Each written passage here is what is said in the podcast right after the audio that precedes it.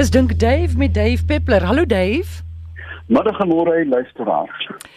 Jason van Ravensmeet wil weet wat is die doel van rigor mortis? Dis 'n interessante vraag. Uh, dit is uh, uh, dit is deel van 'n hoog voorspelbare um, fisiologiese verandering na die dood.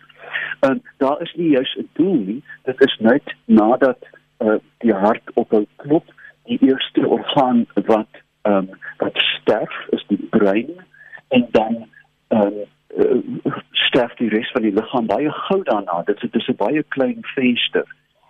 Ehm um, die liggaam word verstyf dan ehm um, en uh, is afhangende van die ambiente temperatuur en ook afhangende van die kerntemperatuur van die liggaam uh, begin ontbinding dan daarna maar ek dink nie dit het 'n spesifieke doel nie um, want dit kom by by alle werveldiere voor as jy 'n slang doodmaak as jy 'n padda doodmaak en vir mens dan dan tree rigor mortis uh, in en dit is net deel van 'n deurlopende uh, fisiologiese afname uh, van van die liggaamsfunksies. Hoekom word 'n lyf dan so 'n liggaam so styf? Wel, uh, jy as jy 'n bok skiet, um, en jy binne die volgende uur slag jy af, is die bok uh, heel ploeibaar en en hanteerbaar. En en dan verstyf die spiere eenvoudig. Dit is dit is die begin van die dit is letterlik die begin van van ontbinding. Daar is nog nie ontbinding ter sprake met rigor mortis nie, maar uh, die volgende stap is dan ontbinding.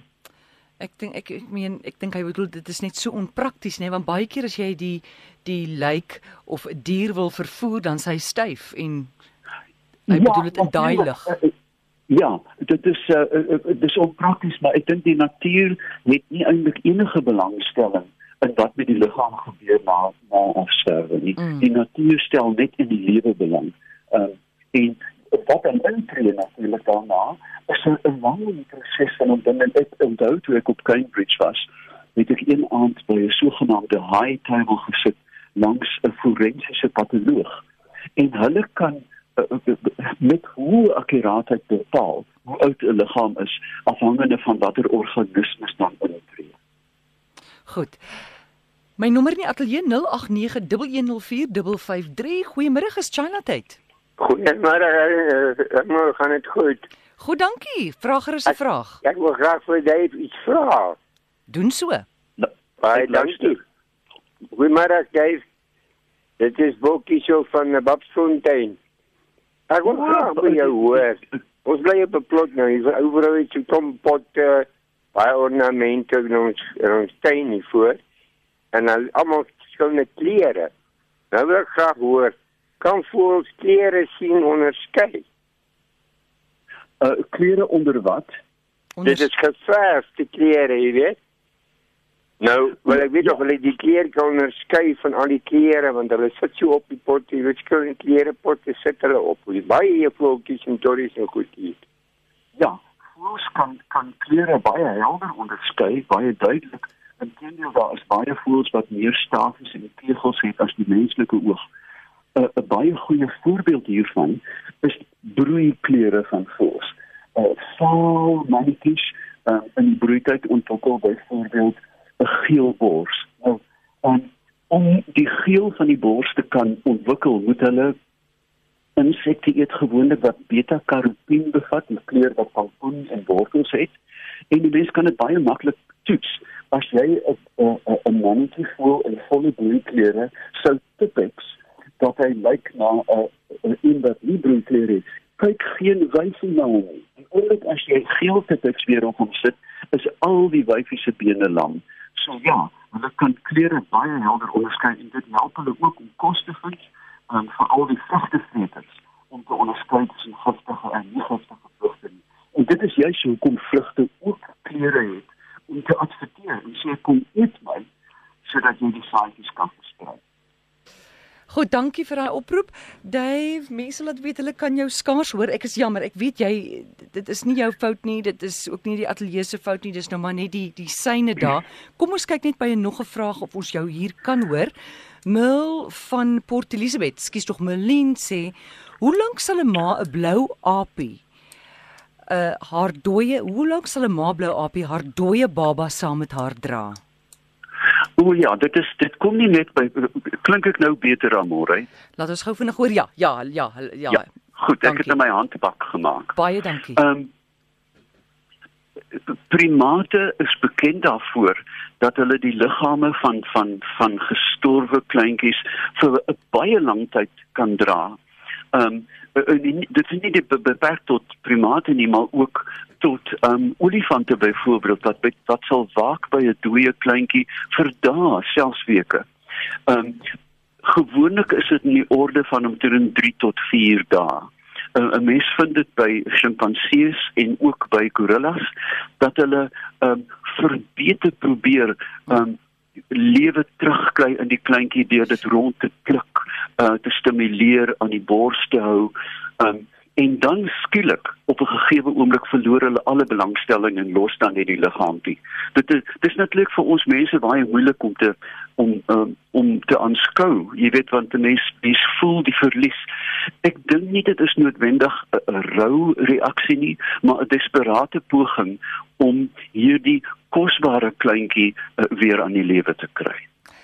Is daar nie ook 'n stuk terapie daarin? Dat jy so met ek, Ek weet nie. Ehm um, dit kan ek nie sê nie. Daar is sekerlik 'n mate van vertroosting vir die vir die moeder uh aap of uh, primaat.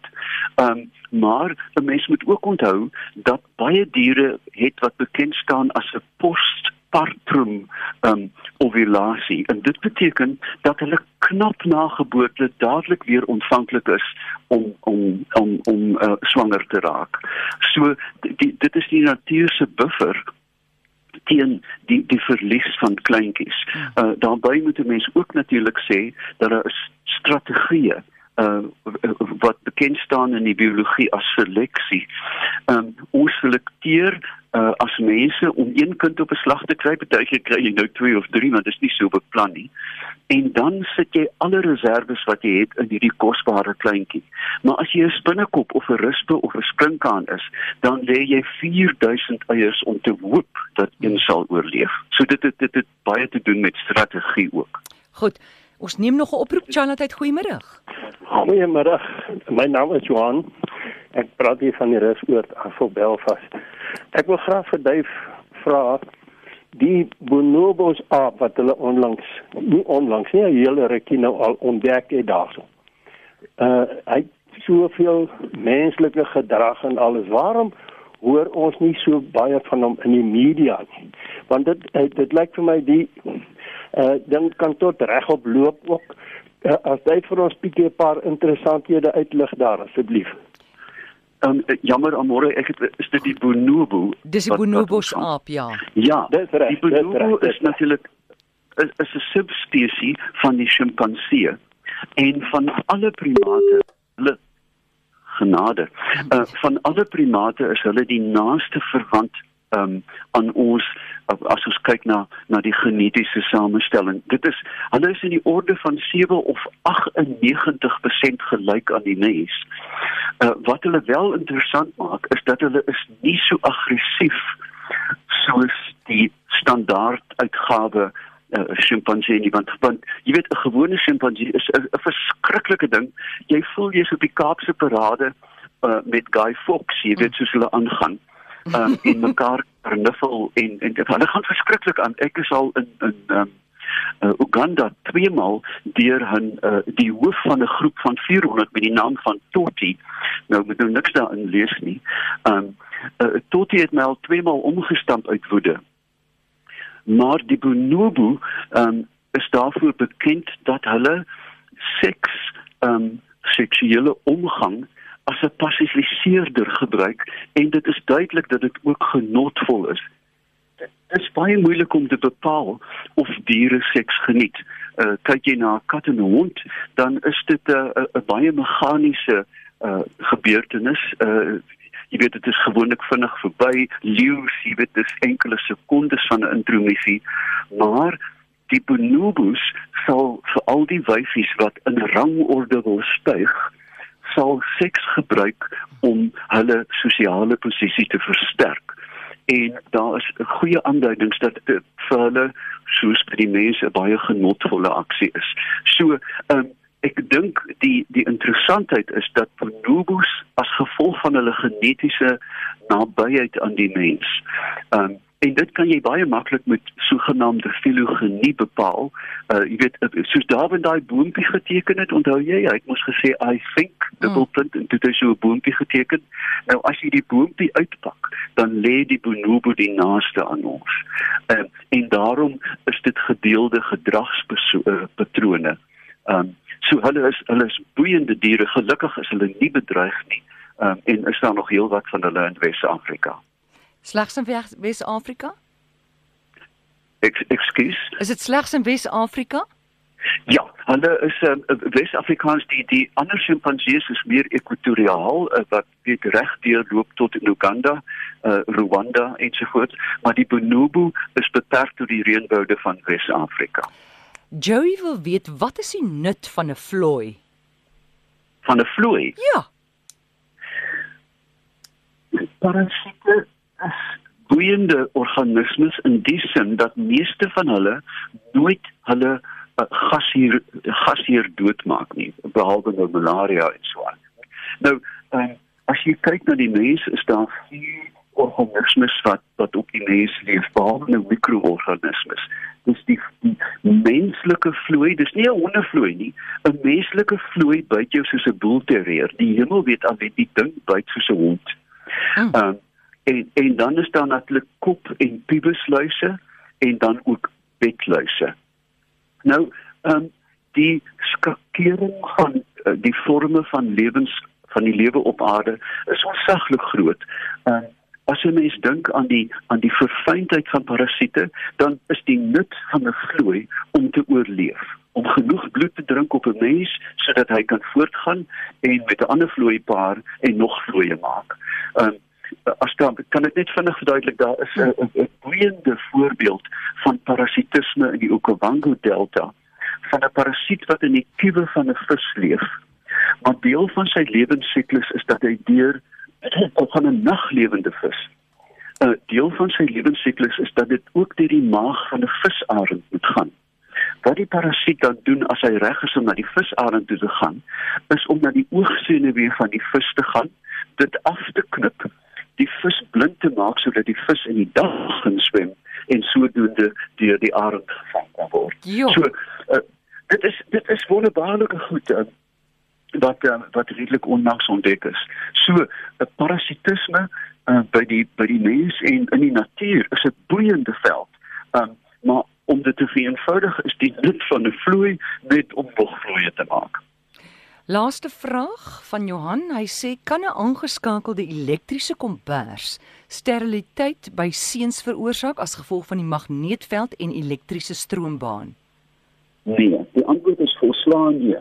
Um, die die magneetveld van 'n van 'n elektriese kombers dit uh, werk met wisselstroom en as jy nou regtig wil bekommerd wees oor magneetvelde en die fertiliteit van jou kind dan moet jy jou mikrogolf uit die huis uitgooi, jou telefoon weggooi, jou televisie weggooi, byna enige elektriese kartoeter. Um, en môre terwyl ek en jy gesels, lewe die res van Afrika of Suider-Afrika in die radiogolwe wat ek en jy nou gebruik. Met ander woorde, uh, daar's ook kosmiese strale. Nou, jy weet kosmiese strale is baie meer gevaarlik as um, elektrisiteit in die huis want dit veroorsaak mutasies uh, soos byvoorbeeld velkanker. So ek dink dit is uh, uh, dit is bewese dat dit is veiliger dink ek om 'n elektriese kombers te gebruik as om 'n selfoon te gebruik. Gits. Dankie Dave, jy het vir ons heelwat stof tot nadenke nou gegee. Nou ja, ek gaan um, ek gaan op my Facebook bladsy uh, dave.co.za 'n bietjie meer uitpak oor die bonobos. Dankie, ons sien uit daarna. Totsiens Dave. Lekker aand. Tata.